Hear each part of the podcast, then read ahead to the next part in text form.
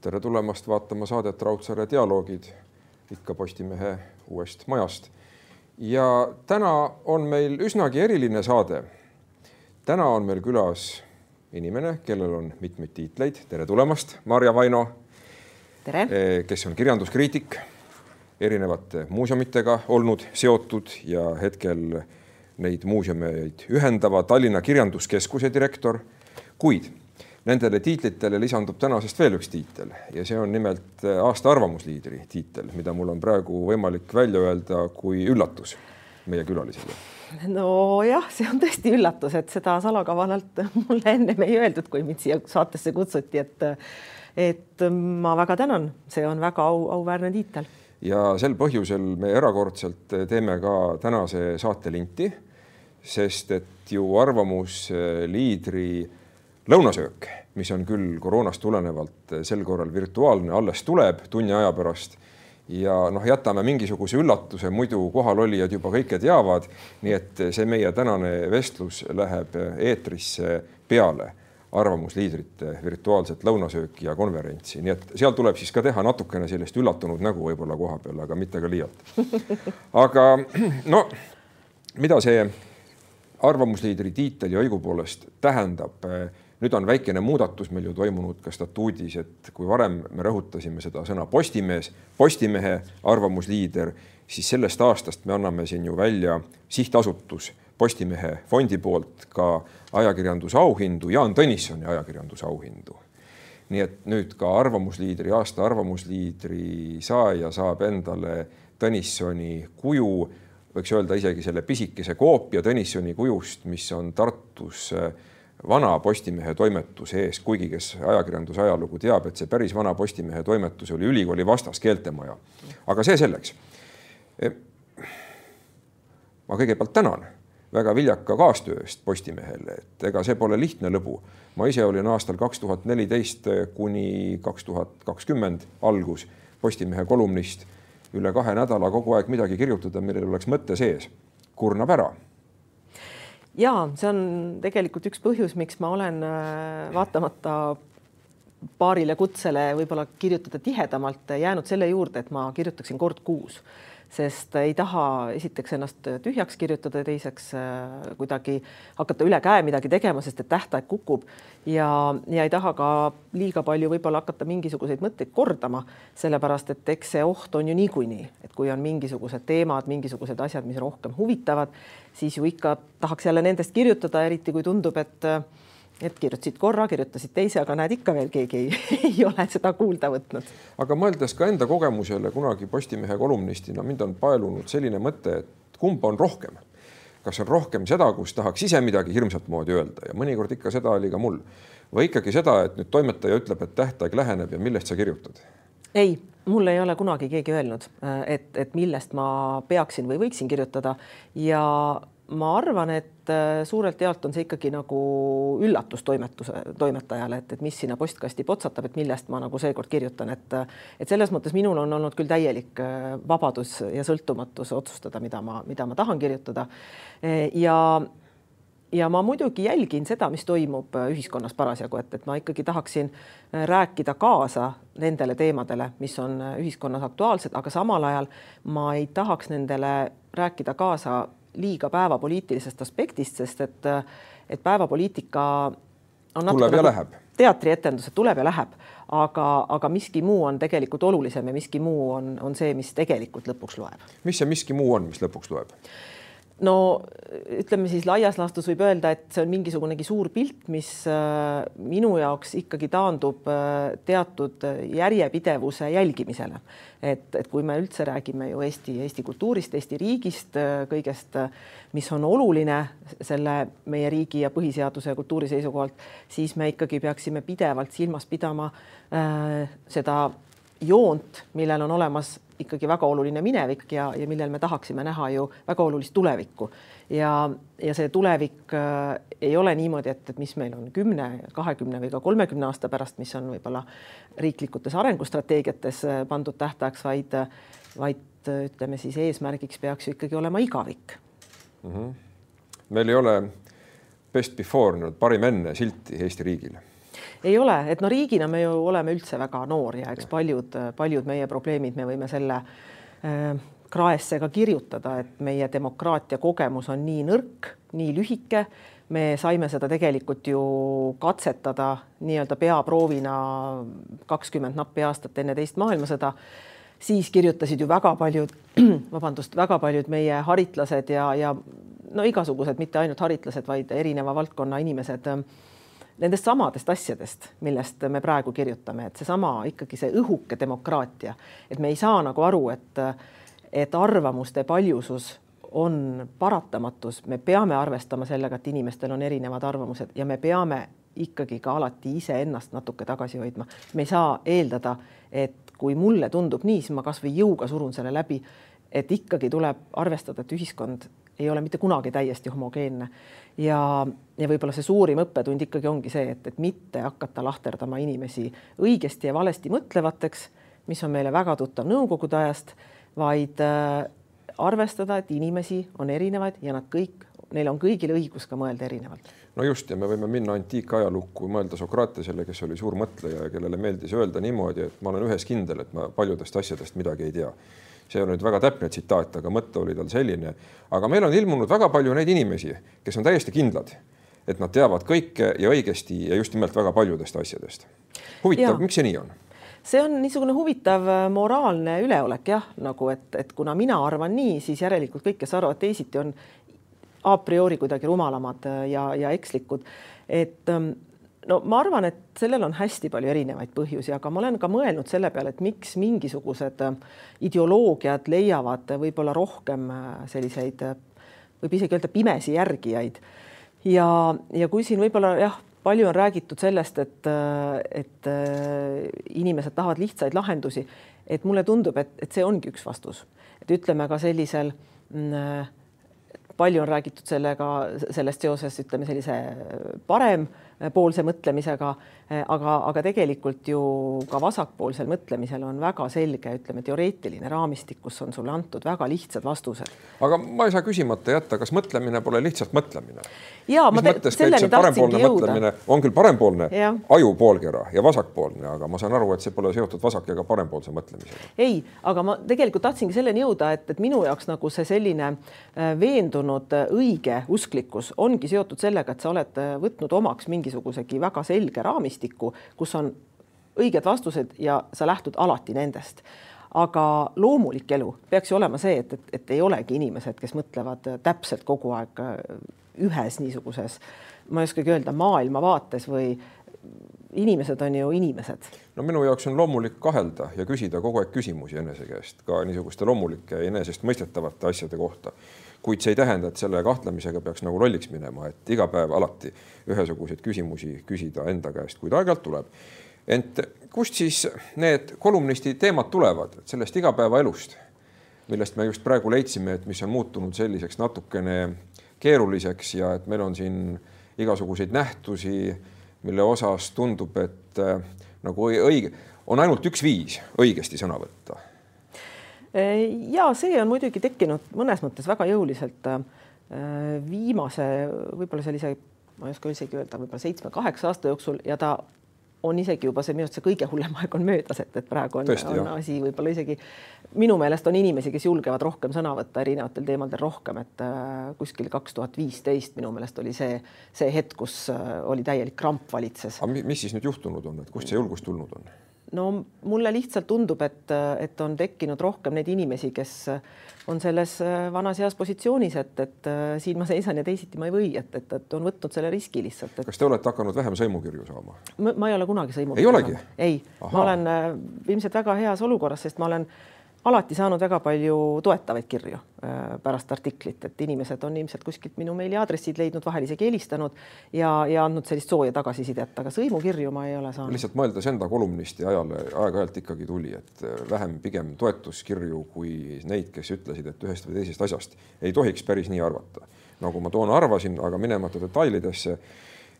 Nonii, aga jätame kõrvale hetkeks selle arvamusliidri tööpõllu, et ju põhitöö on teil ikkagi olla kirjanduskeskuse ehk direktor ja kirjanduskriitika, mida raadiosaadetes väga viljakalt äh, siin teete.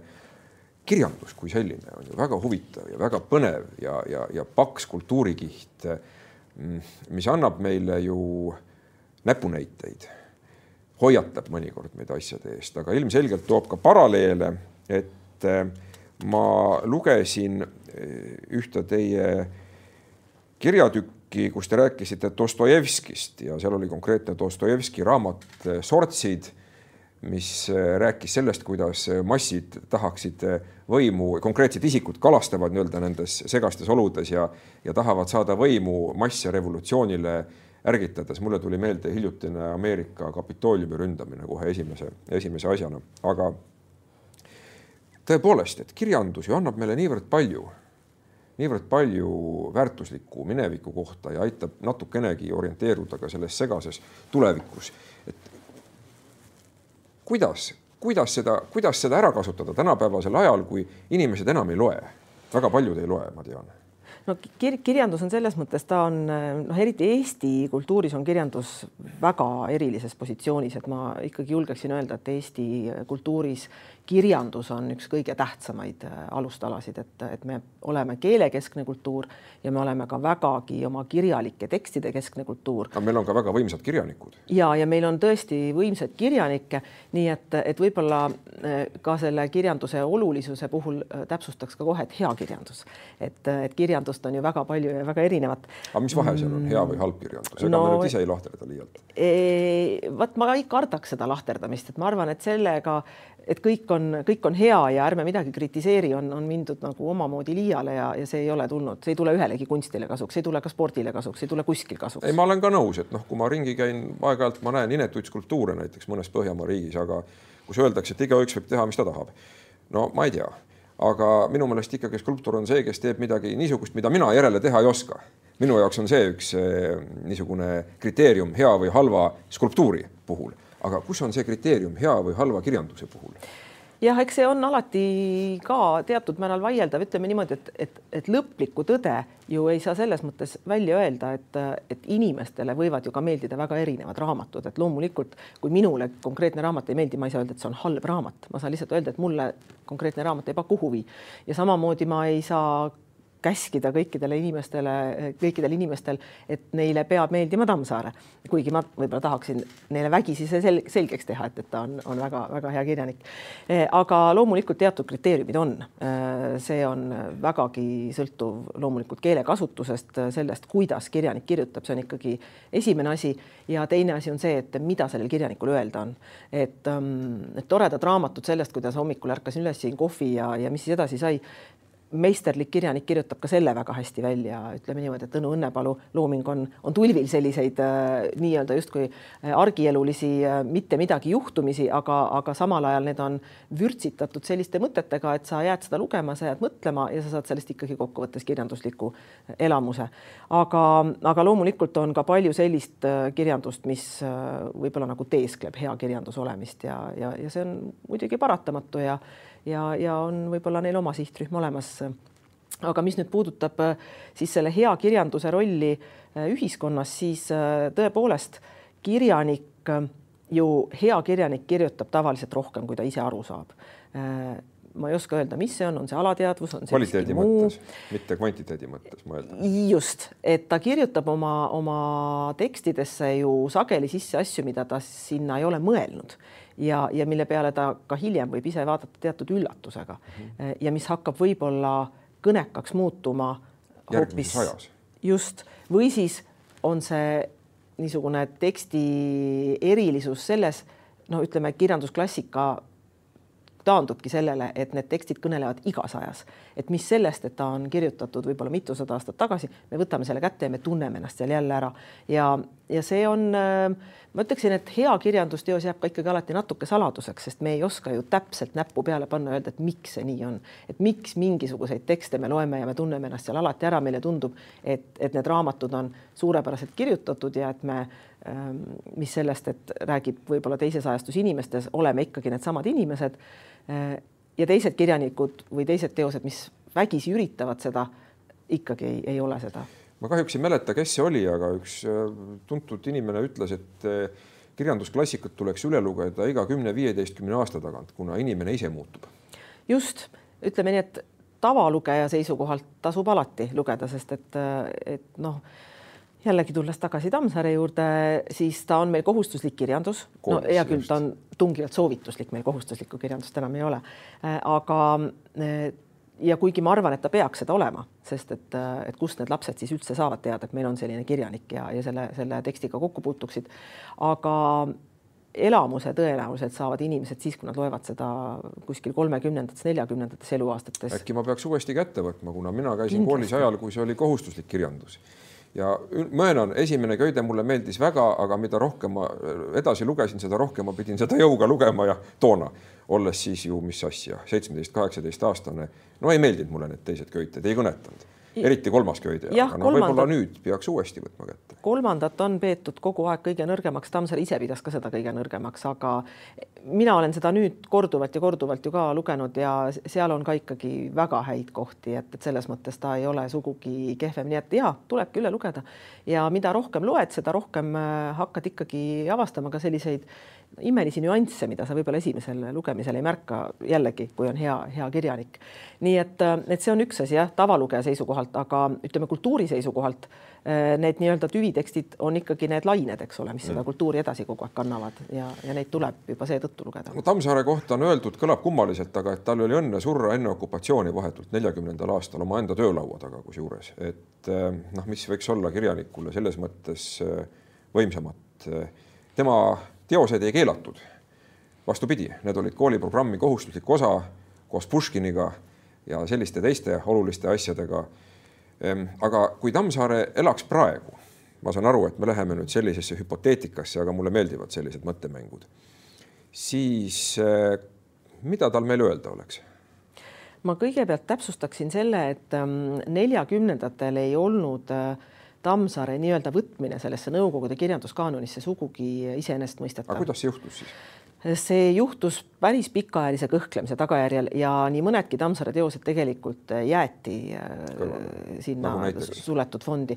no põhiliselt tema publitsistika Sõjamõtted no. ja Sikk Transit, need olid ikkagi keelatud raamatute nimekirjas ja neljakümnendatel muide oli äh, Tammsaare ka Soomes keelatud äh, kirjanike nimekirjas, mis Isegi. näitab ka seda, et, et, et, et soomlased olid igaks juhuks ettevaatlikud ja panid ta juba sinna nimekirja ära.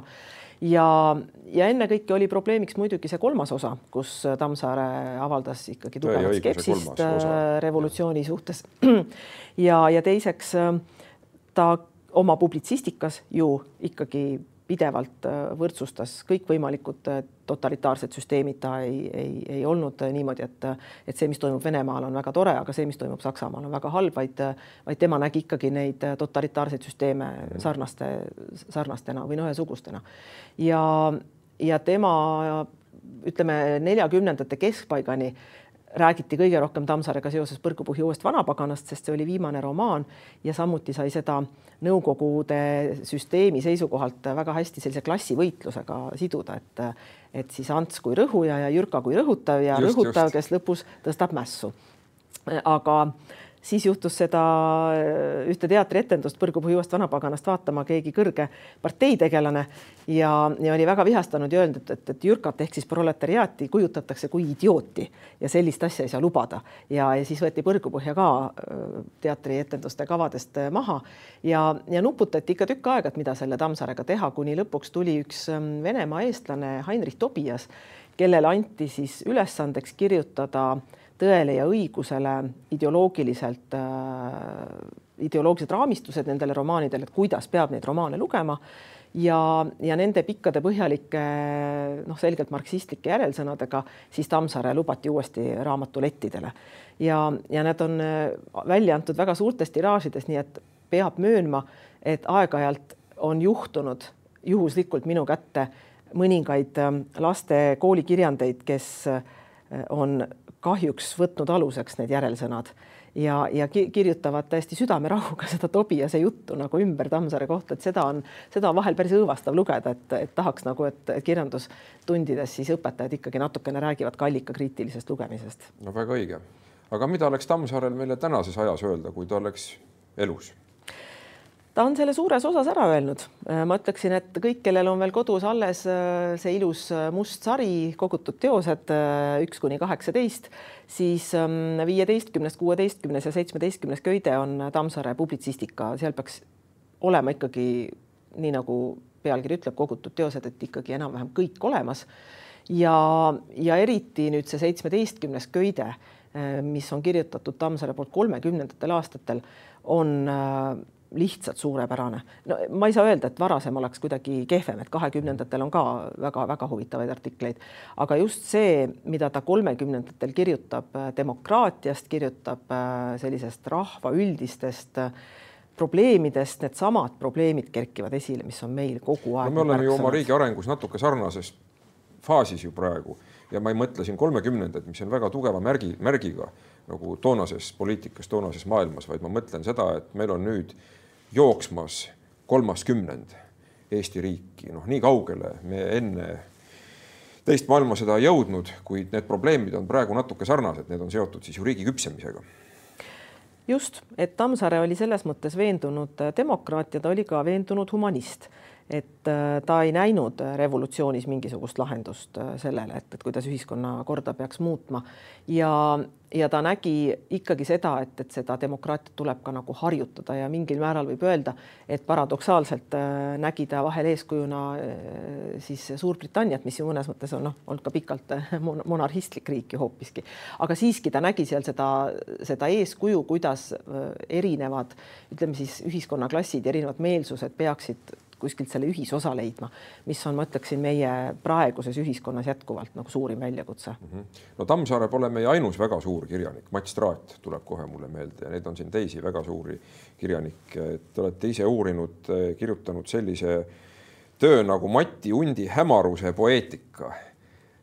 hämarus võib tähendada vaimuhämarust, aga hämarus võib tähendada ka midagi nagu suveõhtu hämarus, noh, või selline üleminekuvöönd või ütleme, kui me tegelikult vaatame hoopis niipidi sellele Mati Undi hämaruse poeetikale, et ta mitte ei hämarda asju, vaid vastupidi, ta üritab heita valgust pimedatesse nurkadesse, aga no mis ikkagi jäävad natukene hämaraks, kuna nad on nii sügavad ja lõputud. ja no äh, Mati Undi puhul äh, esiteks see hämaruse sõna ta kasutab seda ise. Ja, ja teiseks, kui tema loomingut ja jällegi ka publitsistikat lugeda, siis on päris selge, et ähm, Unti huvitas maailm, mis ei ole lõpuni seletatud et äh, ja minu meelest huvitas samasugune maailm ka Tammsaaret ja minu meelest see on veel väga paljude heade kirjanike tunnus, et ehk mis jääb müstiliseks natukene. jääb natuke müstiliseks, et, äh, et nii äh, no, võime tõesti Undi Tammsaare kõrvale tuua ka näiteks Ando Runneli, kes on ju kõik vägagi kritiseerinud seda nii-öelda masinakultuuri, et, et inimene kui masin, inimene kui no praegu räägitakse sellest ju väga palju, et, et kui palju on ikkagi erinevust üldse inimesel ja tehisintellektil ja tehisintellekt igal juhul varem või hiljem inimese oma näitajate poolest ületab ja, ja vaat selline masinlik inimese masina, masina masinamistamine, mani masinast, jah. masinaks muutmine. masinaks muutmine mm, vägagi häiris minu meelest Mati Unti, et, et tema tahtis näha maailma pisut müstilisena. teda väga huvitas äh, juhus kui miski, mis võib kõike muuta ja mis ma arvan, et on, on ka praeguses. ta on pöördepunkt jah, miski. niisugune aga... nagu, nagu faabulas ka selline hetk, et eh, kirja, kui me vaatame näiteks filmikunsti mm, -hmm. mõnda filmi vaadates meil on väga selge arusaam, mis hakkab juhtuma järgmisel hetkel. ja siis, kui meil on hea režissöör, siis ta tekitabki meis selle ootuse, mis on natuke klišeelik ja siis pöörab selle kõik hoopis teistpidi. minu meelest Tarantino on selline täiesti meister niisuguste asjadega, klišeedega mängimises jah, aga isegi kui seda kunstilise võttena liiga palju kasutada, siis ka see muutub ootuspäraseks, sest tõsi. siis teame, et, et tõenäoliselt nüüd see on nagu laulusõnadega, et nüüd tuleb refrään. aga mm, Unti minu arust huvitas ikkagi just see, mis on täielik ootamatus ja, ja mis on see võib-olla, mida me võime natuke jah, nende Taalebi mustade luikedega nagu seletada, et, et see on midagi, mida me isegi ette ei kujuta, et võib juhtuda, et see on totaalne ootamatus ja, ja eks see totaalne ootamatus on inimeste noh, ootus ja hirm samal ajal, et me ju ühest küljest tahaksime, et elu oleks alati turvaline, me, meie kontrolli all, aga samal ajal me tahame, tahaks ikka ju, et midagi huvitavat juhtuks, et muidu läheb igavaks.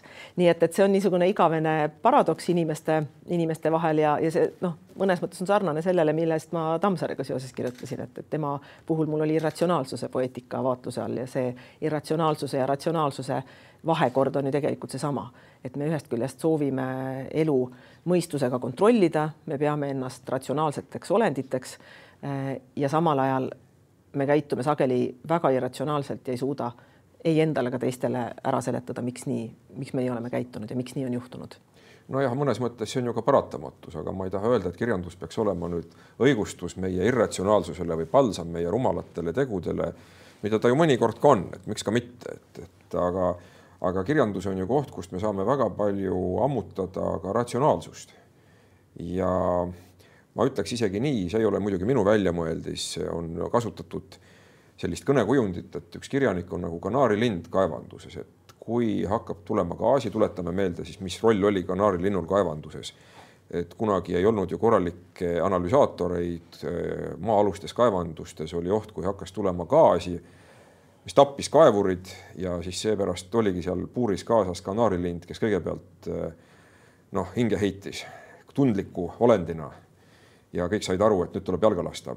et ka kirjandusel on olnud ajaloos selline funktsioon, mulle tundub, et ta võib-olla on ka jätkuvalt selline funktsioon, aga võib-olla kirjandus ei paista niivõrd silma meie tänases niisuguses mm, noh, väga sõnumeid täis pakitud maailmas ja kirjandusel on kindlasti see, ütleme jällegi, et hea kirjanik kirjutab ju sisse rohkem, kui ta ise teab, et, et ta ei kirjutagi ka selliseid võib-olla hoiatusi tingimata teadlikult, et kui me jälle sellesama Dostojevski võtame, siis ta ju kirjutas asju, mis said tõeks aastakümneid hiljem, võib-olla osad isegi pärast tema surma. et, et ta ei saanud ju teada, et, et ta kirjutab mõnes mõttes juba sellist etteulatuvat tõde või paljastab midagi. kui me räägime sellest revolutsiooni rollist Venemaal näiteks. jah, aga, aga samal ajal ähm, on tõsi see, et, et kirjandus äh, ütleme, Eesti kirjandusel iseenesest ju praegu läheb hästi, sest et äh, algupärast eesti kirjandust on hakatud äh, rohkem lugema. Äh, veel mõnedki aastad tagasi kirjastused ei olnud absoluutselt huvitatud algupärase Eesti ilukirjanduse avaldamisest, sest seda lihtsalt ei ostetud.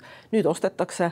Eesti novellikogumikega on novell kuidagi jälle au sisse tõusnud, ühesõnaga me ei saa öelda, et Eesti kirjandusel läheks halvasti, aga samal ajal on ikkagi väga tõsised ja murettekitavad äh, õpetajate poolt tulevad signaalid, kus nad ütlevad, et äh, lapsed loevad aina rohkem ingliskeelset kirjandust, eesti kirjandusest nad ei huvitu ja, ja ega siis äh, selle napi ühe tunniga nädalas sellega ka huvituma otseselt ei, ei pane, et, et selleks peaks olema märksa, märksa rohkem nagu mahtu ikkagi koolitundides, et, et Eesti lapsed ka hoida meie eesti kirjakultuuri juures, et, et see ei käi niimoodi neljakümne viie minutiga nagu nädalas, et et see on üks, üks tõsine, tõsine koht, millele peaks tegelikult rohkem tähelepanu pöörama, et, et see kirjandus ja lugemine ei ole nišitegevus ja ei ole kultuuri seisukohalt kuidagi teise või kolmandajärguline, vaid vaid jällegi, kui me võtame selle pikema ja igavikulise perspektiivi, siis üks kõige olulisemaid küsimusi üldse meie kultuuri seisukohast mm. -hmm. aga kirjanik kui kanaarilind aga kirjanik kui kanaarilind on, eh, meil on ju praegu raske öelda, kes need on, sellepärast et eh, jällegi me ju ei tea, mis juhtuma hakkab. et eh, väga kena oli lugeda ju mm, eelmisel kevadel mm, Viivi Luige tuntud luuletust, äh, kus, äh, kus ta kirjutab sellest, et, et, et, et, et sel kevadel tuleb hoopis midagi muud. Ja see hoopis midagi muud ongi see, mida me isegi ette ei suuda kujutada, et, et tõenäoliselt me võime selle Covid üheksateist pandeemia lugeda millekski, mida ütleme siis poolteist aastat tagasi keegi otseselt ette ei näinud, et midagi niisugust võib juhtuda, et, olid hoopis teised äh, tulevikustsenaariumid parasjagu käimas. see on tõsi, kuid kui me Eestist räägime, meie ei ole ilmselt selle pandeemia tulekus ega olekus otseselt süüdi. ja, ja ma ei räägi siin sellest, kas valitsus teeb piisavalt või ei tee piisavalt sellega võitlemiseks, ma räägin sellest, kust see üldse tuli, kust see üldse algas. aga kui me räägime kirjanikust kui kanaarilinust, ta hoiatab ilmselt ka niisuguste asjade eest, kus me saaksime enda käitumist muuta mm., kus me peaksime enda käitumist muutma. Mõtleme keskkonnateemadele näiteks, tarbimine, inimsuhted ja, aga selleks peab olema väga meisterlik kirjanik, et seda kirjutada nii, et ta ei hakkaks mõjuma sotsrealismina.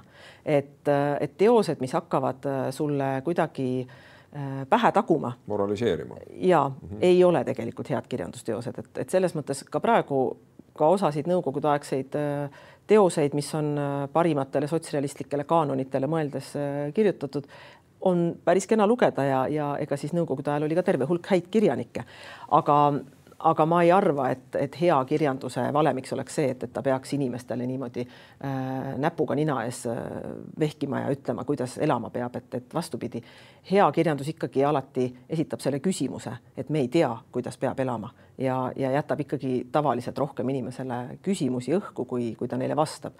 et kui kirjanik hakkab väga lõplikult äh, asjadele ära vastama, et siis ta, ma julgeks arvata, et pigem ei muutu kirjandusklassikaks mm. -hmm no aga meil on, ma ütlen maailma kontekstis kirjandusklassikaks muutunud kirjanikke palju, sama Tammsaare, ma võrdlen teda Hamsuniga, keda ma olen lugenud täiesti rahulikult ja Hamsun sai Nobeli no Tammsaar on ikka parem kirjanik. no just, aga kahjuks ja. ta Nobelit ei saanud. nagu ka Jaan Ross ei saanud Nobelit, kes ja. tegelikult oleks võinud seda saada ja ta oli nagu igavene teine, nii nagu meie maletaja, eks ole, Keres, kellest me teame, et ta oleks võinud olla see number üks, aga asjaolude kokkusattumisel ta ei saanud selleks kunagi kuid meie jaoks ta kahtlemata tema väärtust ja kõike ei vähenda. ja kusjuures siinkohal ilmselt olekski hea koht ära õiendada, üks viga minu meelest on, on ühte raamatusse, kus räägitakse Nobelitest sisse jäänud see, et Tammsaar on esitatud Nobeli kandidaadiks, aga teda ei ole kunagi esitatud.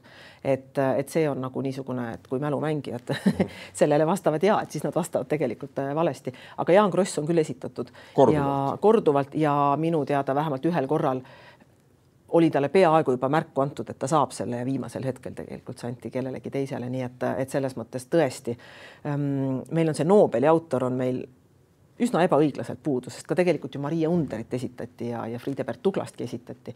nii et, äh, et meil neid äh, ikkagi väga häid kirjanikke, kes kuidagi ei jää Nobeli äh, autoritele alla, on, on tõesti väga palju. aga miks me siis pole saanud, kas põhjus on ikkagi keeles? Me oleme et... väike ja eksootiline keel, mida on raske mõista, raske lugeda, seda tuleb tõlkida, võib-olla tõlkes läheb midagi kaduma. ma arvan, et seal on hästi palju erinevaid põhjusi, kindlasti üks asi on see, et me oleme väike, teine asi on see, et, et see on nii nagu igal pool mujal väga suur poliitilise lobi tegevus, et ju siis ei ole olnud soovi nii palju oma energiat sellesse panna ja teiseks ka muud erinevad poliitilised hoovused, et me ei ole kunagi olnud nii äh, kuidas siis öelda, seksikas äh, Nobeli äh, laureaat, äh, kui on olnud mõned ütleme siis sellised riigid, kuhu võib-olla on tahetud rohkem seda anda, näiteks mõned aastad tagasi Valgevene või, või et see on ju ikkagi natukene poliitiline auhind ka, et, et Eesti ei ole ilmselt kunagi tundunud selline maa või riik, millele Nobeli preemiat andes saab ka mingi suure tugeva sõnumi läkitada mm. -hmm. aga ometi see sõnum on ju nendes kirjanikes olemas minu ja. meelest see tähendabki, et ikkagi pole sellest sõnumist aru saadud hindajate poolt. kui me tuleme tagasi Krossi juurde tema kolme katku vahel, eks ole. kõik see, millest seal räägitakse, kõnetas nõukogude ajal ja kõnetab ka praegu inimese vahekord võimuga. Mm, noh, inimese enda tee otsimine, kõik need raskused, mis sealjuures tulevad, sisemonoloog, seal oli väga suur roll ju sisemonoloogil kroonika kirjutamine, Baltasar Rousseau kroonika kirjutamisest oli seal jutt. väga palju sellest on ju ilmselt fiktsionaalne, aga samas mitte minnes vastuollu teadaolevate faktidega, kuna Kross väga palju uuris faktoloogiat, ajalugu ja see võis tõepoolest nii ka olla, nagu ta seda kirjutab. ja kusjuures Kross oli vist ka selline autor, kes instinktiivselt leidis imelisi materjale, millest vist ajaloolasedki sageli ei olnud teadlikud või kirjutas äh, midagi sellist, mis on alles hiljem ajaloolist tõestust mm. leidnud, et Miga Valdari oli ka selline kirjanik, kes kirjutas asju, mida veel ei teatud ja hiljem alles teaduslikult leidsid tõestamist. nii et ei, ma arvan, et siin ei ole mingit kahtlust, et meie kirjanike loomingus on, on täpselt sama häid teoseid, et, et Kross Krossi puhul mulle isegi tundub, et kui kolme katku vahel tundub tänapäeva inimesele pikk ja raske läbi lugeda, siis keisrihull peaks olema küll igale inimesele jõukohane ja täpselt sama akt aktuaalne ja. palun väga. ei, neid raamatuid on ikka palju ja nüüd ju hiljuti ilmus kogutud novellide kogumik, et, et võib ka nendest alustada, et, et tegelikult need kogutud novellid on ju ka suurepärased, need võtavad väga erinevad ajastud kokku ja, ja, ja on, on no Kross oli ju meisterlik kujundilooja et.... ega minu arusaamist mööda postuumselt enam ei saa Nobelit anda. ei saa, ei saa. jah, meil siis on kõik peame, kahjuks läinud. siis me peame oma lobi keskendama kellelegi elus olevale, võib-olla Mats Traadile.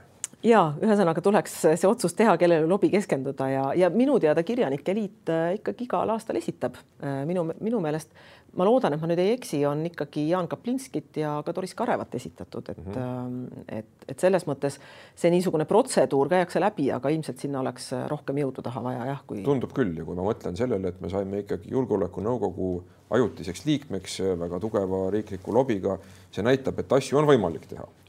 Ja ma arvan, et kuna me ju oma vestluse alguses leidsime, et kirjandus on Eesti kultuuri ja seeläbi ka meie riigi üks oluline alustala, siis ma arvan, et eh, sellesse võiks panustada ühel hetkel natukene, et meil oleks see oma Nobelist.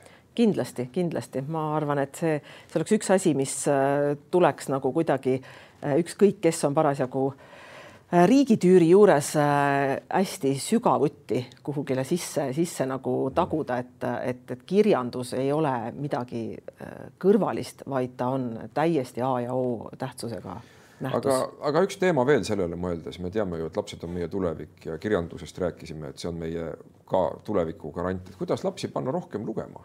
Me ei saa seda teha ju vägivalla ja ähvardustega, et teeme ühe kirjandustunni asemel kõikides koolides kolm ja nõuame, et nüüd kõik Tõde ja õigus ja köited oleksid läbi loetud. me võime saavutada hoopis vastupidise tulemuse siin on mitu asja, kõik loomulikult äh, algab kodust iseenesest, et, et lapsevanemate äh, teadlikkust kindlasti tuleks nagu tõsta, et, et raamatu lugemine ei ole mitte lihtsalt tore meelelahutus, vaid raamatu lugemine olulisel määral arendab lapse aju, arendab tema sõnavara, arendab tema maailmast arusaamist kui sellist, et ütleme, kasvõi muinasjutud on ju miniatuursed äh, olukordadega hakkama saamise kirjeldused, kõik nii edasi Eh, nii et, et loomulikult eh, esmane roll oleks kodus, et, et kui sa loed lapsele igal õhtul unejuttu, kui laps näeb, et vanemad ise istuvad raamat käes, siis lugemine on loomulik elu osa. ja, ja mida rohkem inimene, ütleme siis ka laps loeb, seda rohkem ta ju avastab ka seda, mis talle meeldib, et, et lugemine on ju selles mõttes niisugune huvitav nähtus, et, et on olemas asimine äh, sõna nimega lugemismõnu või lugemisnauding. Ja seda on võimatu teha teisele inimesele selgeks, kes ei ole seda ise kogenud. Mm.. aga kui ta selle raamatu leiab, mida ta ei suuda käest ära panna, siis ta teab, mis see tähendab. Ja siis ta otsib sarnast või üha uut raamatut ja otsib, et seda uuesti kogeda ja selleks, et sellist raamatut, mis just sulle selle elamuse pakub, leida, selleks tulebki lapsele võimalikult palju ette lugeda, sellepärast et sa ju ei tea, milline raamat lapsele kõige rohkem meeldib. nüüd, mis puudutab kooli, siis äh, midagi ei ole teha, aga kooliharidust ei saa muuta vabatahtlikuks ja ei saa muuta selliseks, et, et inimesed lähevad sinna äh, metsikut pingutama oma vabast tahtest. et eriti lapsed, inimene on mugav olend mida rohkem teha talle järeleandmisi, seda mugavamaks ta muutub ja nõudmine ja kohustuslikkus lihtsalt käib selle asja juurde et.... aga kuhu see piir panna, me ei saa ju teha kõigist Mozarteid.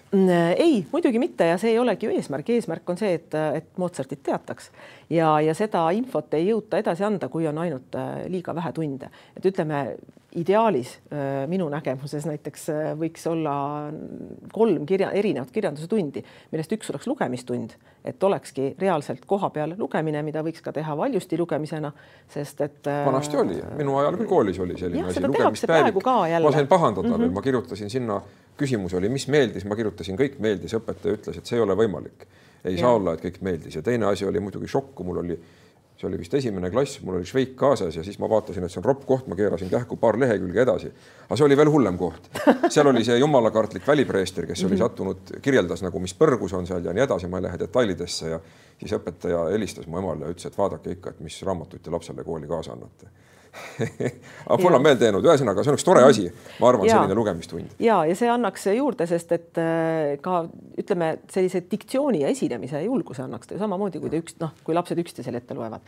ja, ja teine asi on kirjandusajalugu, mis lihtsalt on meie kultuuri äh, seisukohalt oluline, see tuleks läbi käia, et, et kui ka kõiki autoreid ei loeta, et lihtsalt need nimed käivad läbi, see järjepidevuse arusaamine tekib, et, et kes alustas ja millal elas Kreutzwald, millal elab, eks ole, Andrus Kivirähk, et nad ei ole tegelikult nagu põlvkonnakaaslased.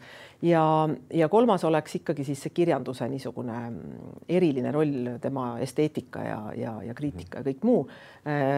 ja loomulikult on ju selge, et kõike seda ei jõua teha seal ühe, ühe tunniga nädalas, et, et, et selles mõttes on ikka päris selge, et, et kirjandust peaks olema rohkem, eriti kuna puudu on ju ka kultuuriloo kursused ja ja no minu seisukohalt peaks ka olema rohkem eesti keele tunde, sellepärast et praegu kipub olema tunniplaanides sageli nädalas rohkem võõrkeeletunde kui eesti keele tunde. see on tõsi, ega eesti keele oskusega ei ole meil liialt eh, head, head, head lood, aga tulles korraks veel selle kirjanduse lugemise mõnu juurde. millest see tuleb, kas see tuleb sellest, et inimene saab liikuda erinevates ajastutes, erinevates horisontides, see on see niisugune ajas ja ruumis rändamise fenomen? Ja no vot, see on jälle ilmselt erinevatele inimestele meeldivadki erinevad asjad, kes tahab ajas rännata, kes tahab kellegi nahka pugeda ja, ja tõelist mingisugust sellist psühholoogilist äh, trillerit või, või mingisugust tunnet nautida, kes tahab lihtsalt seiklusi lugeda, et, ähm, et see on ikkagi väga erinev, aga, aga mis on tõenäoliselt selle taga Äh, teaduslikud sellised äh, noh, ajuuuringud on, on mõõtnud seda, et mis inimese ajus toimub sel ajal, kui inimene loeb äh, mõnda, ütleme siis mitte lihtsalt krimkat, vaid võib-olla natuke nõudlikumat kirjanduslikku teksti. Ja, ja on avastanud, et, et aktiveeruvad ajus siis sellised üsna äh, haruldased piirkonnad, mis muidu nii sageli just ei aktiveeru ja nad on noh, loomulikult väga tugevalt seotud kujutlusvõimega, aga väga tugevalt ka empaatiavõimega.